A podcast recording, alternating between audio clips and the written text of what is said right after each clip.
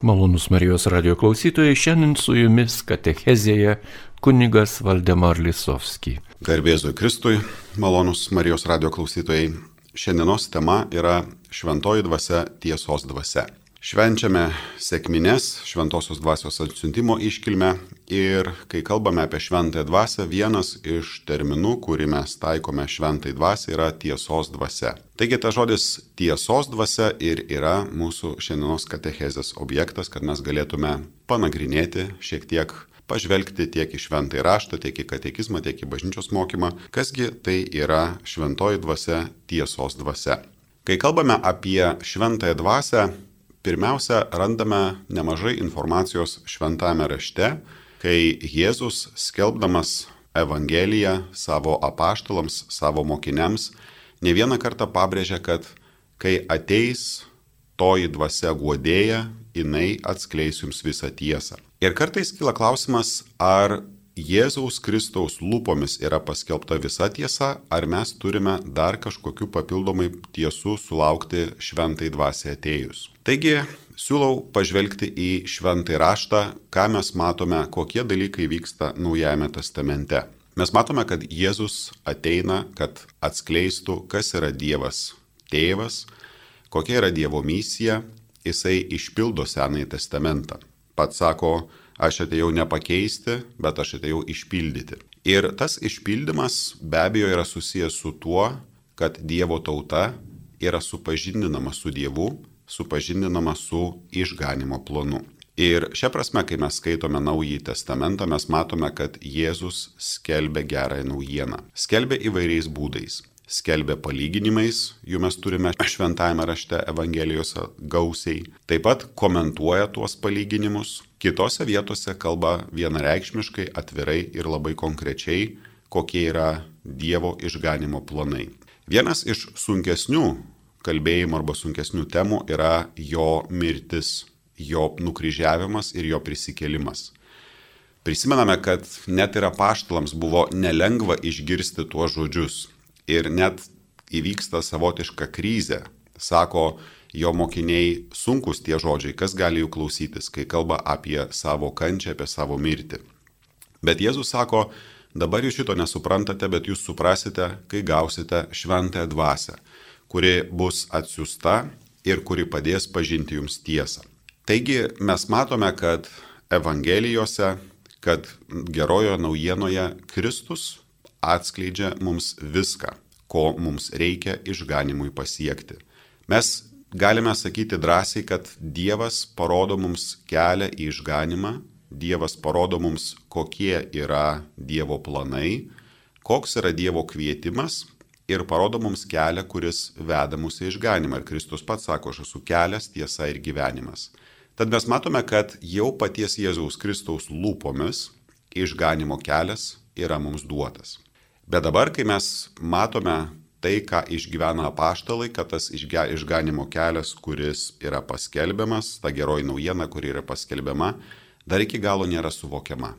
Apaštalams kyla bejonių, mes matome Jėzui kai jisai buvo nukryžiuotas ir palaidotas kape, paštalai nesima evangelinės misijos iš karto, mes eisime ir skelbsime evangeliją visą pasaulį. Jie užsidaro, jie yra išsigandę, jie galvoja, kad mes būsime kiti po Jėzaus Kristaus.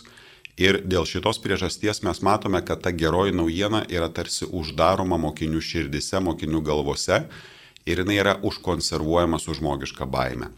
Ta baimė yra kaip dangtis, kuris uždengia visą tą nuostabų turinį, kurį paštalai gavo iš mūsų viešpaties ir tas turinys, kuris pagal savo pašaukimą turi būti skelbiamas geros valios žmonėms visame pasaulyje. Apaštalai bijo, apaštalai yra išsigandę. Dabar Kristaus prisikėlimas. Šventėme Kristaus prisikėlimo iškilmę palyginus neseniai. Mes matome, kai Kristus ateina, pasirodo savo apaštalams, jie negali patikėti. Atrodytų silpnas tikėjimas. Atrodytų, kaip galima nepatikėti ir abejoti Kristaus prisikėlimo žinia, kuri šiandien mums yra tokia žinoma.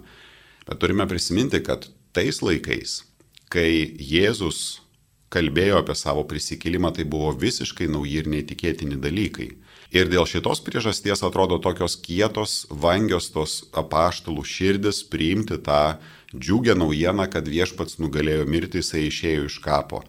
Mes matome kaip vienas iš tokių ryškiausių Tomas apaštalas, kuris sako, jeigu aš neįdėsiu savo piršto į Jėzaus žaizdas, aš nepatikėsiu. Mes matome, kaip Tomas nustato iš anksto taisyklę, ko Dievas, ką Dievas turi padaryti, kad įtikintų Tomą, jog jis yra prisikėlęs.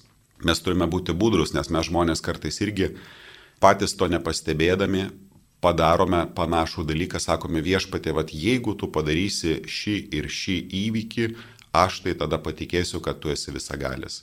Mes netoli nuo Tomo paštalo nueiname net ir mūsų laikais, jeigu keliame šį klausimą arba keliame šias abejonės. Dabar žiūrėkime, kas vyksta toliau. Prisikėlimo neįtikėtinumas pradeda būti keičiamas prisikėlimo džiaugsmu. Apaštalai, tos artimiausios moteris, kuris, kurios buvo kartu su Jėzumi, kurios buvo kartu su apaštalais, kur padėdavo, talkininkaudavo, jos pamato tuščią kapą įtiki. Mes skaitome Evangelijoje, kaip ir Petras, ir Jonas apaštalai irgi atbėgo prie tuščio kapo. Ir visi šitie įvykiai po truputį pradeda skleisti tą džiugę naujieną. Baime yra pakeičiama džiaugsmu, kad viešpats tikrai prisikėlė. Jėzus susitinka su savo paštalais įvairiomis aplinkybėmis, jie jo net pažįsta. Jie jo net pažįsta iš veido, bet jie atpažįsta iš tų veiksmų, iš tų stebuklų, kuriuos Jėzus padaro.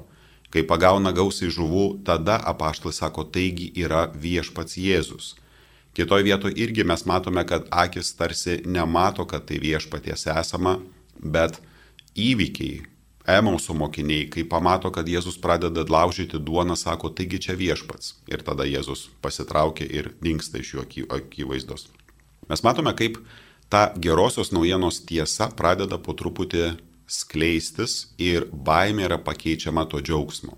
Dabar atrodytų, kodėl šventoji dvasia turėtų veikti ir dar kažką papildyti, juk Kristus po prisikėlimo vėl pasirodo savo mokiniams. Ir mes vėl susidurėme su dar vienu, atrodo, žmogaus protui iššūkiu ir apaštalai mokiniai išgyvena irgi tą tokį neramumą. Jėzus sako, aš negaliu pasilikti su jumis, aš keliauju pas tėvo jums vietos paruošti. Vėlgi atrodo, kokie įvykiai turėtų būti. Kristus nugalėjo mirti, prisikėlė, vis dėlto pergalė yra jo rankose, pasilik su mumis. Žmogiškai mes jį norėtume pasilikti iki išganimo ateimo, iki pasaulio pabaigos, kad jisai būtų apčiuopiamas, gyvas, kad visi galėtume piligrimystės dėka ateiti kur nors į Jeruzalę arba kitas vietas, kad galėtume pačiupinėti jo žaizdas ir mūsų tikėjimas galėtų būti sustiprintas arba kažkokiu būdu paremtas. Daug šitų norų arba pagundų, galėtume sakyti, sutvirtinti tikėjimą, mes galėtume išgyventi, jeigu turėtume Jėzų šalia savęs. Bet štai viešpats sako dar vieną neįtikėtiną žinę. Aš negaliu pasilikti su jumis, aš turiu keliauti į tėvo namus, kad galėčiau paruošti jums vietos. Iš pirmo žvilgsnio dar vienas smūgis - prisikėlimas, mirties nugalėjimas, nuodėmės nugalėjimas. Kaip gera turėti viešpatį, kuris nugalėjo mirti ir kuris vėl yra mūsų tarpe. Ir atrodytų, šie, šie akimirka turėtų likti amžinai galėtume panašiai kaip Petras arba Jokūbas, kai buvo atsimainimo kalne, sakyti viešpatie, pasistatykime palapines, pasistatykime kokį tvirtą statinį, kad mes galėtume tave turėti ir galėtume nuolat su tavimi susitikti ir būti tavo akivaizdoje šalia tavęs. Bet Jėzus sako, ne, mano misija yra tokia, kad aš grįžtų pas savo tėvą, kad galėčiau jums paruošti vietos. Ir vėl mokinių širdise sumaištis savotiška. Kaip dabar bus? Viešpats prisikėlė, jisai grįžo, mes vėl tarsi atstatėme tą tikrovę, kuri buvo iki nukryžiavimo, kad mes einame su juo, bet jisai yra prieš akiją, mes klausomės jo, jeigu mums kažko nepavyksta, mes prašome, kad jis įsikištų ir Jėzus visada viską gali padaryti tobulai. Ir dabar šito vėl nebebus, mes liksime vieni. Mes matome, kad žmogaus širdyje iš vienos pusės džiaugsmas, bet vėlgi ir nerimas, kuris perpildo, kaip dabar bus, ką mes dabar veiksime. Ir štai šitoje vietoje šventosios dvasios vaidmuo, kuri apsireiškia kaip trečiasis Dievo asmuo ir yra ypatingas. Jėzus sako, aš nepaliksiu jūsų vienų, aš jums atsiųsiu šventąją dvasę godėją, kuri pamokys jūs visko ir atskleis jums visą tiesą. Štai čia atsiskleidžia tas ypatingas dėmesys ir ypatingas įvykis, kai šventoji dvasia yra įvedama į žmogaus ir pasaulio išganimą. Čia reikėtų priminti vieną dalyką, kur kartais galbūt mes užmirštame arba nepagalvojame. Mes kalbame apie chronologiškus įvykius išdėstytus šventajame rašte. Pasirodo viešpats Dievas tėvas pirmiausia, kurdamas pasaulį, po to pasirodo Jėzus Kristus Naujajame testamente gimdamas iš mergelės Marijos. Ir mes matome, kaip šventoji dvasia yra atsiunčiama apaštalams. Kartai žmogiškai mes pradedame įsivaizduoti, kad Dievas tėvas yra seniausias, po jo eina Jėzus Kristus, jo sūnus ir galiausiai šventoji dvasia. Taigi, brangus Marijos radio klausytojai, prisiminkime bažnyčios mokymą šio klausimu ir tai yra bažnyčios mokymas labai aiškus. Dievas yra amžinas. Kai mes sakome, kad Dievas yra amžinas, mes sakome, kad Dievas trijuose asmenyse yra amžinas. Taigi švenčiausioji trejybė nėra kažkokiu būdu daloma, skirstoma, kas ten yra pirmesnis, antresnis ir paskiausias, bet tai, ką mes išpažįstame, Dievas yra amžinas, virš laiko, neturi nei pradžios, nei pabaigos. Ir tai galioja visim, visiems trims dieviškiams asmenims - ir tėvui, ir sūnui, ir šventai dvasiai. Taigi, pasakydami šitą mes turime labai aiškiai suvokti. Trys dieviški asmenys visada buvo, visada yra ir visada bus tobulame santykyje, trybinėme santykyje. Bet kokiu būdu šie dieviškieji asmenys apsireiškia pasaulyje, kad galėtų išganyti kiekvieną iš mūsų, štai čia mes kalbame jau apie chronologinius įvykius, apie dalykus, kurie vyksta mūsų žmogiškame laike ir tada kažkas yra pirmas, kažkas yra antras, kažkas yra trečias. Taigi šventoji dvasia perima savo vaidmenį iš Jėzaus Kristaus, iš Dievo Sūnaus rankų, kad galėtų atbaigti šį išganimą, bet kartu turime prisiminti, tai nereiškia, kad jinai tik dabar atsiranda. Jinai yra amžina, tobula, visada esanti su tėvu ir sūnumi. Tiesiog jos vaidmuo žmonijos istorijoje bažnyčios išganime štai čia pradeda įgauti savo konkretų pavydalą ir konkretų veidą. Ką mes skaitome šventajame rašte? Skaitome, kad apaštalai gauna šventąją dvasę. Tas įvykis, kai klausomės skaitinių sėkminių dieną, šventosios dvasios atsiuntimo iškilmės dieną, Mes girdime, kaip apaštalai užsidarė kambaryje, būdami dar išsigandę ir bijodami, nežinodami, ką čia dabar daryti ir kaip veikti. Šventoji dvasia nužengia ant jų tarsi ugnies liepsnos, apaštalai gauna jos dovanas ir pradeda kalbėti kalbomis. Tas pirmas regimas ir apčiuopiamas ženklas, ką mes skaitome apaštalų darbuose, kad visi to regiono gyventojai, kurie kalbėjo įvairiomis tarmėmis, įvairiomis kalbomis, pradeda staiga girdėti apaštalus, žydus, kalbant jų kalbomis. Ir džiaugsmas, kuris pripildo jų širdis. Atrodytų, kad šventosios dvasios gavimas įkvepia juos naujam gyvenimui.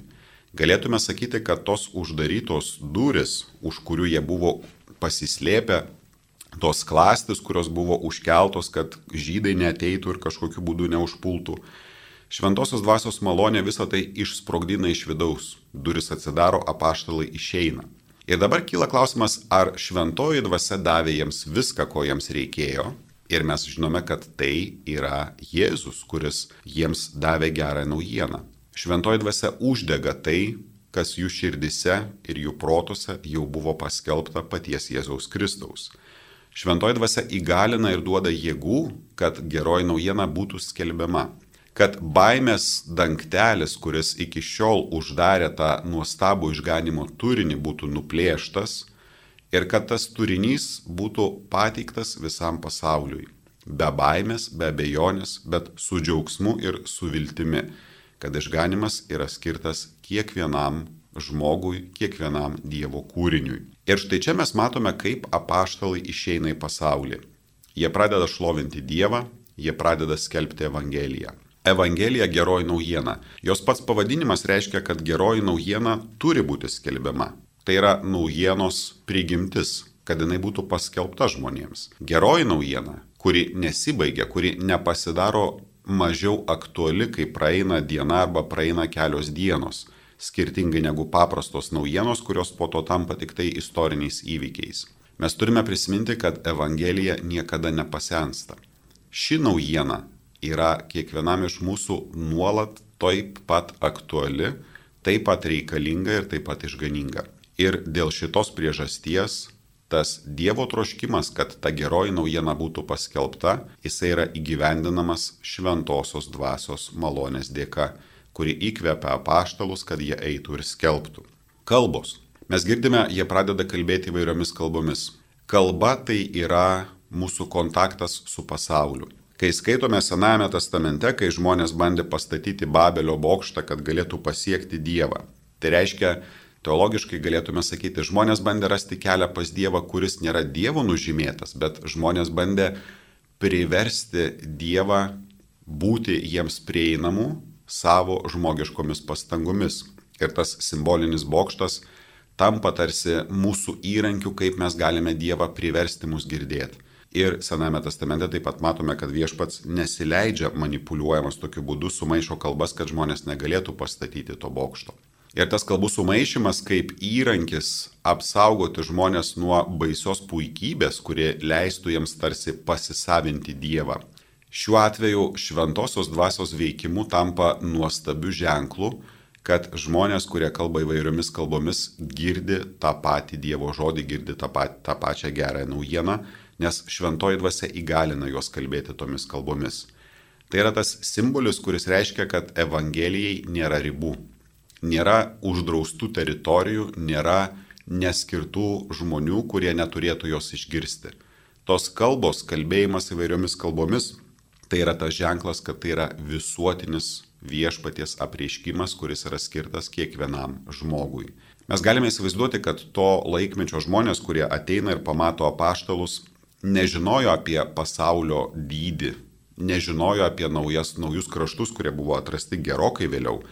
Kartais kalbėdavo apie pasaulio galą arba kur baigėsi pasaulis, galbūt tose vietose, kur kažkas galėjo toliausiai nukeliauti. Bet šiandien mes žinome, kad pasaulyje kiekviena tauta, kiekvienas žmogus yra viešpaties plane, kaip tas, kuris turi išgirsti gerą naujieną, turi išgirsti tą viešpatie žodį. Ir štai čia šventosios dvasios veikimas padeda, kad tai būtų įgyvendinta.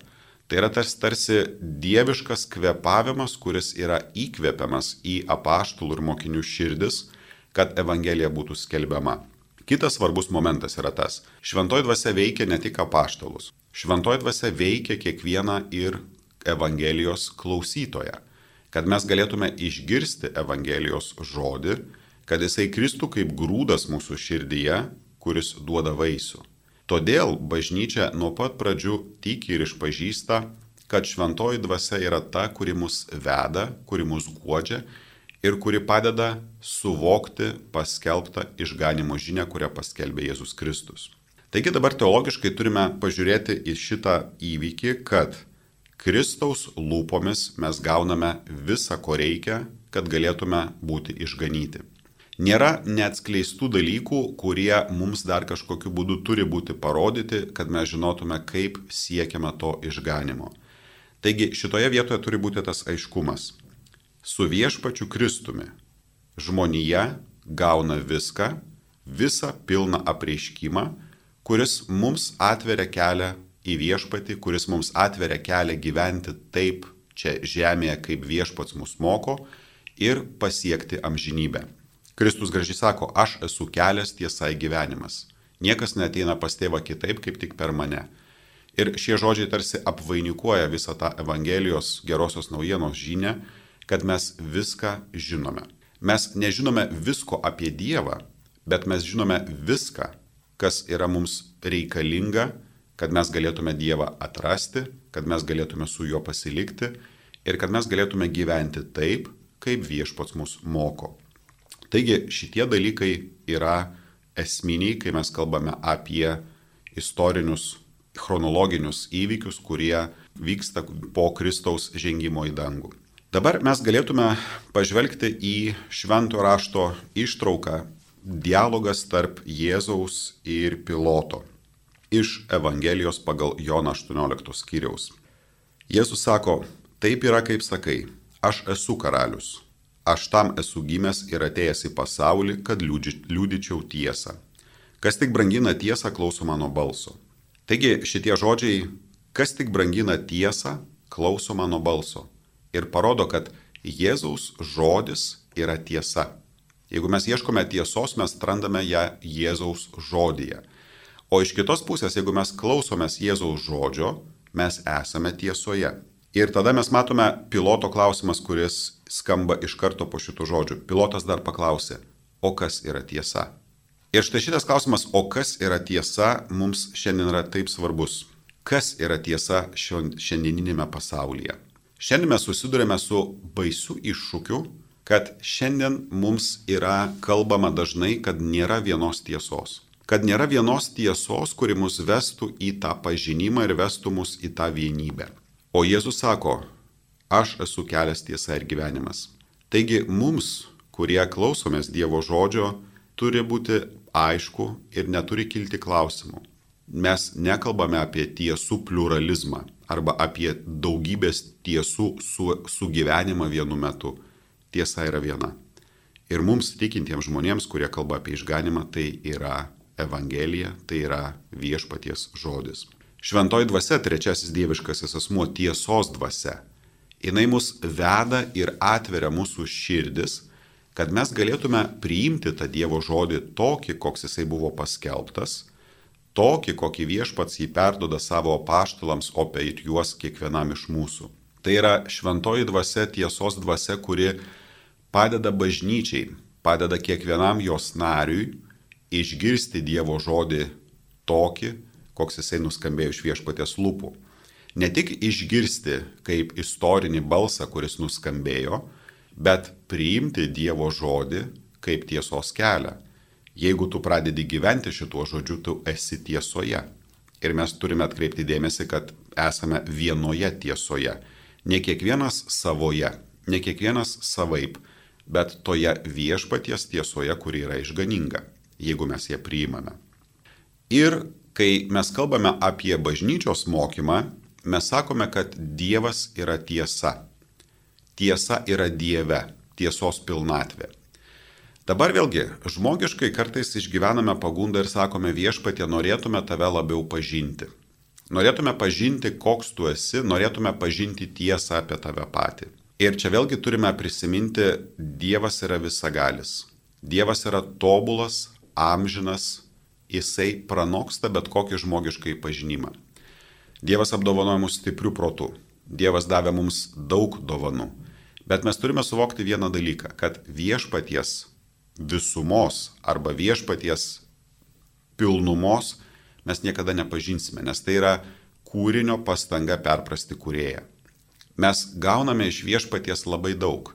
Ir tas labai daug yra pažink, koks Dievas yra, kokia yra Dievo valia ir kas esi tu žmogau. Dievo kūrinys, kurį Dievas myli ir kurį kviečia į išganimą ir į santykių su tavimi.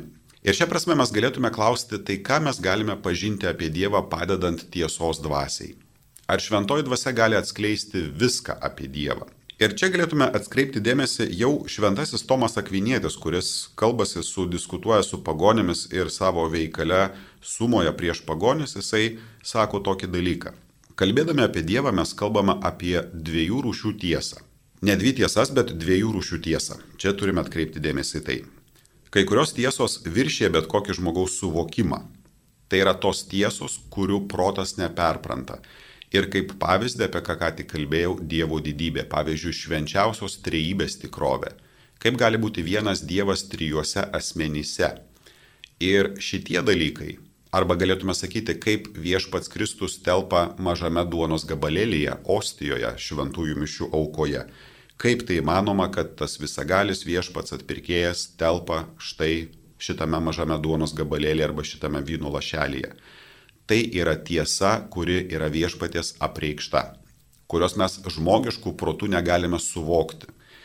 Kažkada bažnyčios tradicijoje yra toksai posakis, kad šventasis Augustinas, eidamas paplūdimiu, mato mažą vaiką, kuris žaidžia jūros pakrantėje ir išsikasęs mažą daubutę, kabina savoje vandenį iš jūros ir pila į tą daubutę.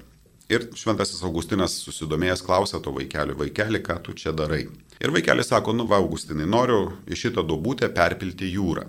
Ir aišku, Augustinas nusivykė, sako, vaikeli, bet tai neįmanoma tos didžiulės galingos jūros perpilti štai mažą duobutę. O vaikas Augustinui atsako, Augustinai, greičiau aš perpilsiu jūrą į šitą duobutę, negu tu čia vaikščiodamas ir bandydamas suvokti, suprasi švenčiausios trybės didybę ir paslapti. Tai parodo taip simboliškai, kad tai yra ta tiesa, kuri mes priimame kaip apreikštą tiesą, kuri pranoksta mūsų žmogiškai suvokimą, bet kuri mums yra vis tiek duodama, kad mes galėtume matyti, koks yra Dievas. Toliau Augustinas sako, kad kita tiesos rušis gali būti, kuri tos kitos tiesos pasiektos natūralaus proto dėka. Tai yra tiesos, kurias mes pažįstame protu, mūsų natūralus protas priveda mus prie tų tiesų.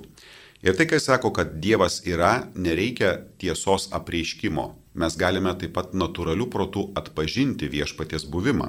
Galėtume sakyti per kūrinyje, per visą tai, ką mes matome, per visą tai, kas yra aplink mus, mes galime matyti, kad yra protingas kuriejas, kuris leido tam atsirasti, kad Dievas yra vienas.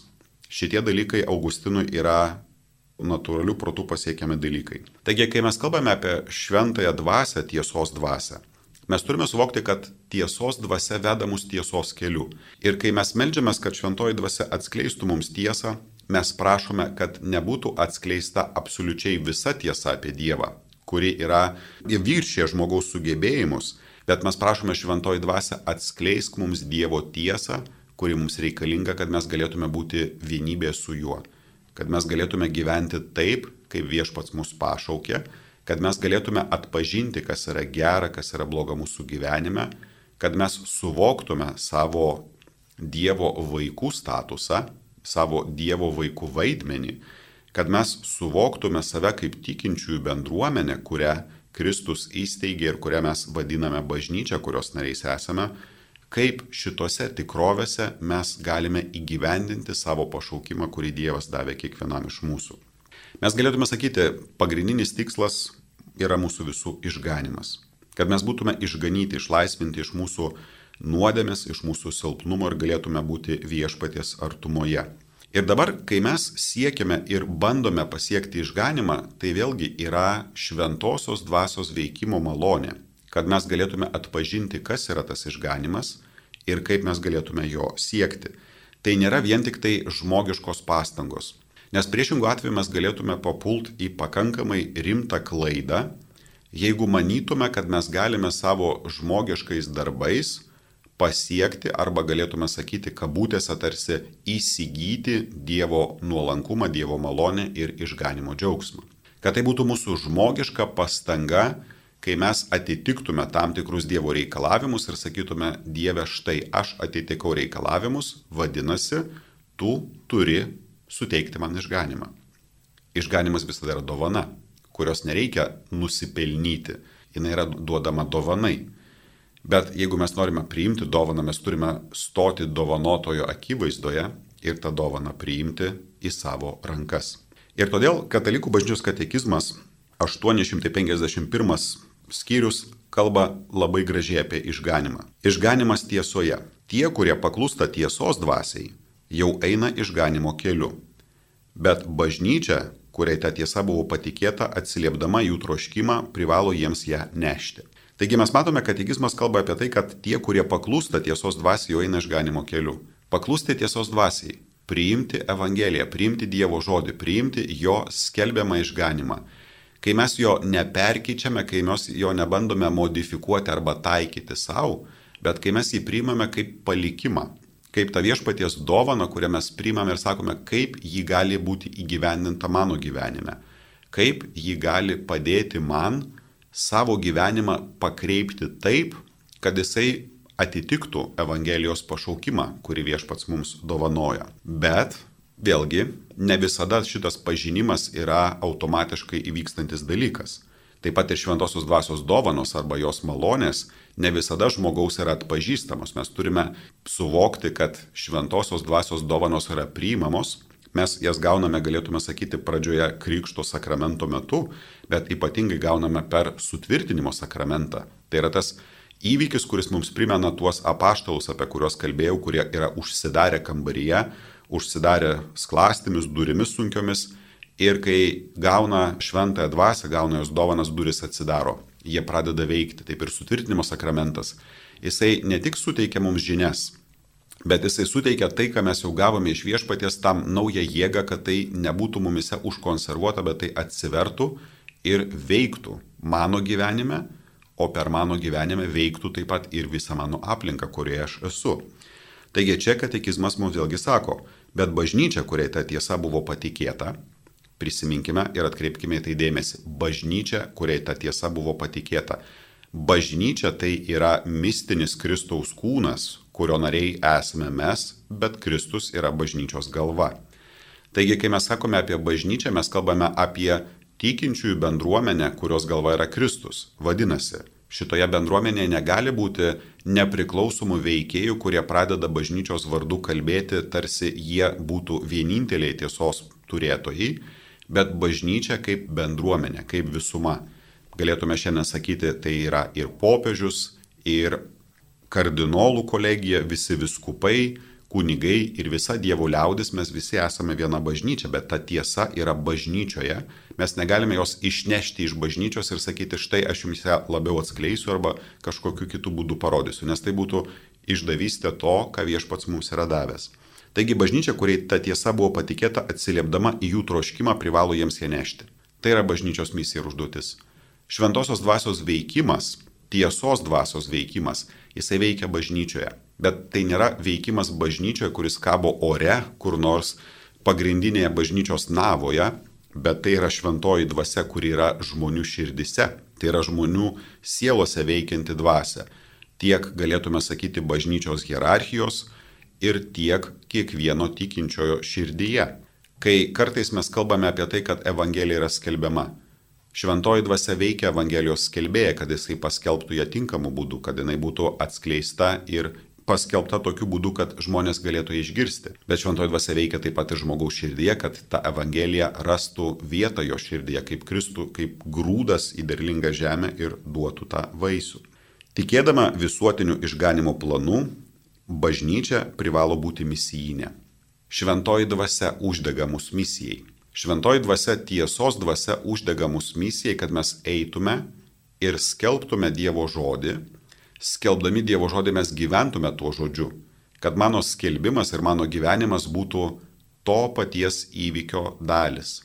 Sunku yra priimti gerą naujieną, kai jinai yra skelbiama, bet nėra gyvenama tų, kurie skelbia. Ir tai vėlgi yra pašaukimas kiekvienam iš mūsų.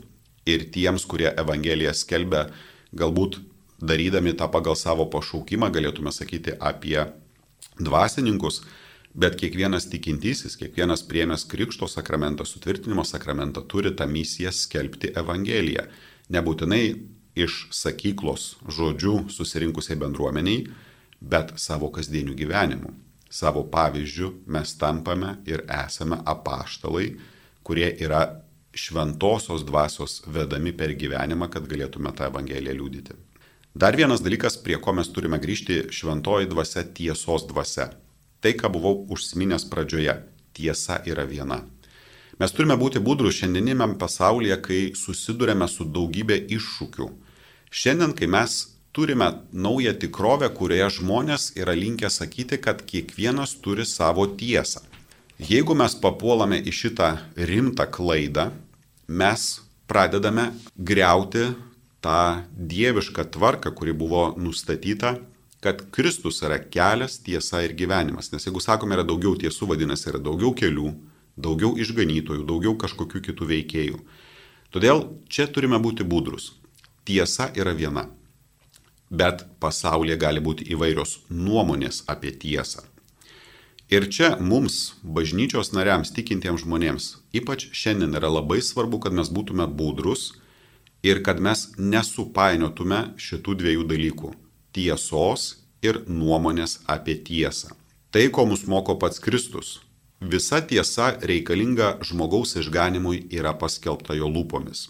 Šventoji dvasia, kur yra tiesos dvasia, padeda mums šią Jėzaus gerą naujieną pažinti, suvokti, nes jinai mums atskleidžia tai, kas mus veda išganimo keliu, bet neveda automatiškai be mūsų dalyvavimo, bet tai yra tai, kas mums padeda kiekvieną mūsų gyvenimo dieną padaryti teisingą pasirinkimą tiesoje. Išsirinkti tai, kas yra teisinga, kas yra tiesa, kad mano kiekvienas pasirinkimas leistų man išlikti tame išganimo kelyje, kuriame Kristus manęs laukia. Mes negalime papulti į tą klaidą ir sakyti, kiekvienas turi savo tiesą. Nes tada sakytume, kad Kristus stovi kiekviename kelyje, į kurį žmogus nuklysta. Bet viešpats mūsų nelaukia klyst keliuose. Jisai, galime sakyti, kviečia mus iš klystkelius grįžti į tą vienintelį teisingą išganimo kelią, kuriame jisai pats yra ir kuris pats yra. Ir šią prasme būkime būdrus, šiandien ypatingai, kai kalbame apie įvairias naujas atsirandančias tiesas kabutėse, Evangelijos kažkokius papildymus, arba tarsi dar kažkokius priedus, be kurių tarsi Jėzaus Evangelija nebūtų pilna tai yra mums ženklas, kad turime prisiminti tai, ką esame gavę iš viešpaties. Apreiškimas, Dievo žodis, Evangelija - tai yra tas kelias, kuris jau buvo paskelbtas. Mums nereikia kažkokių naujų apreiškimų, mums nereikia kažkokių naujų kelių, mums nereikia kažkokių naujų Dievo žinių, nes viešpats viską yra paskelbęs O šventoji dvasia bažnyčioje jau virš 2000 metų padeda mums eiti, atpažinti ne tik Dievo žodį, bet atpažinti save vis labiau kaip Dievo vaikus, atpažinti save vis labiau kaip tą Dievo veidą, kuris yra kiekviename iš mūsų, bet kartu, kad mes suvoktume, jog išganimas tai yra pašaukimas į bendrystę. Ir tos bendrystės regimas dalykas čia žemėje yra bažnyčia. Visuotinė bažnyčia, tikinčiųjų bažnyčia, kurios nariai mes visi esame ir kurioje yra ta išganimo tiesa. Todėl kiekvieną kartą, kai mes melžiamės į šventąją dvasę, prašykime tos ypatingos malonės, šventoji dvasia tiesos dvasia, padėk man išlikti tiesoje. Vadinasi, padėk man išlikti Dievo akivaizdoje, Jėzuje Kristuje, kuris yra mūsų kelias, tiesa ir išganimas.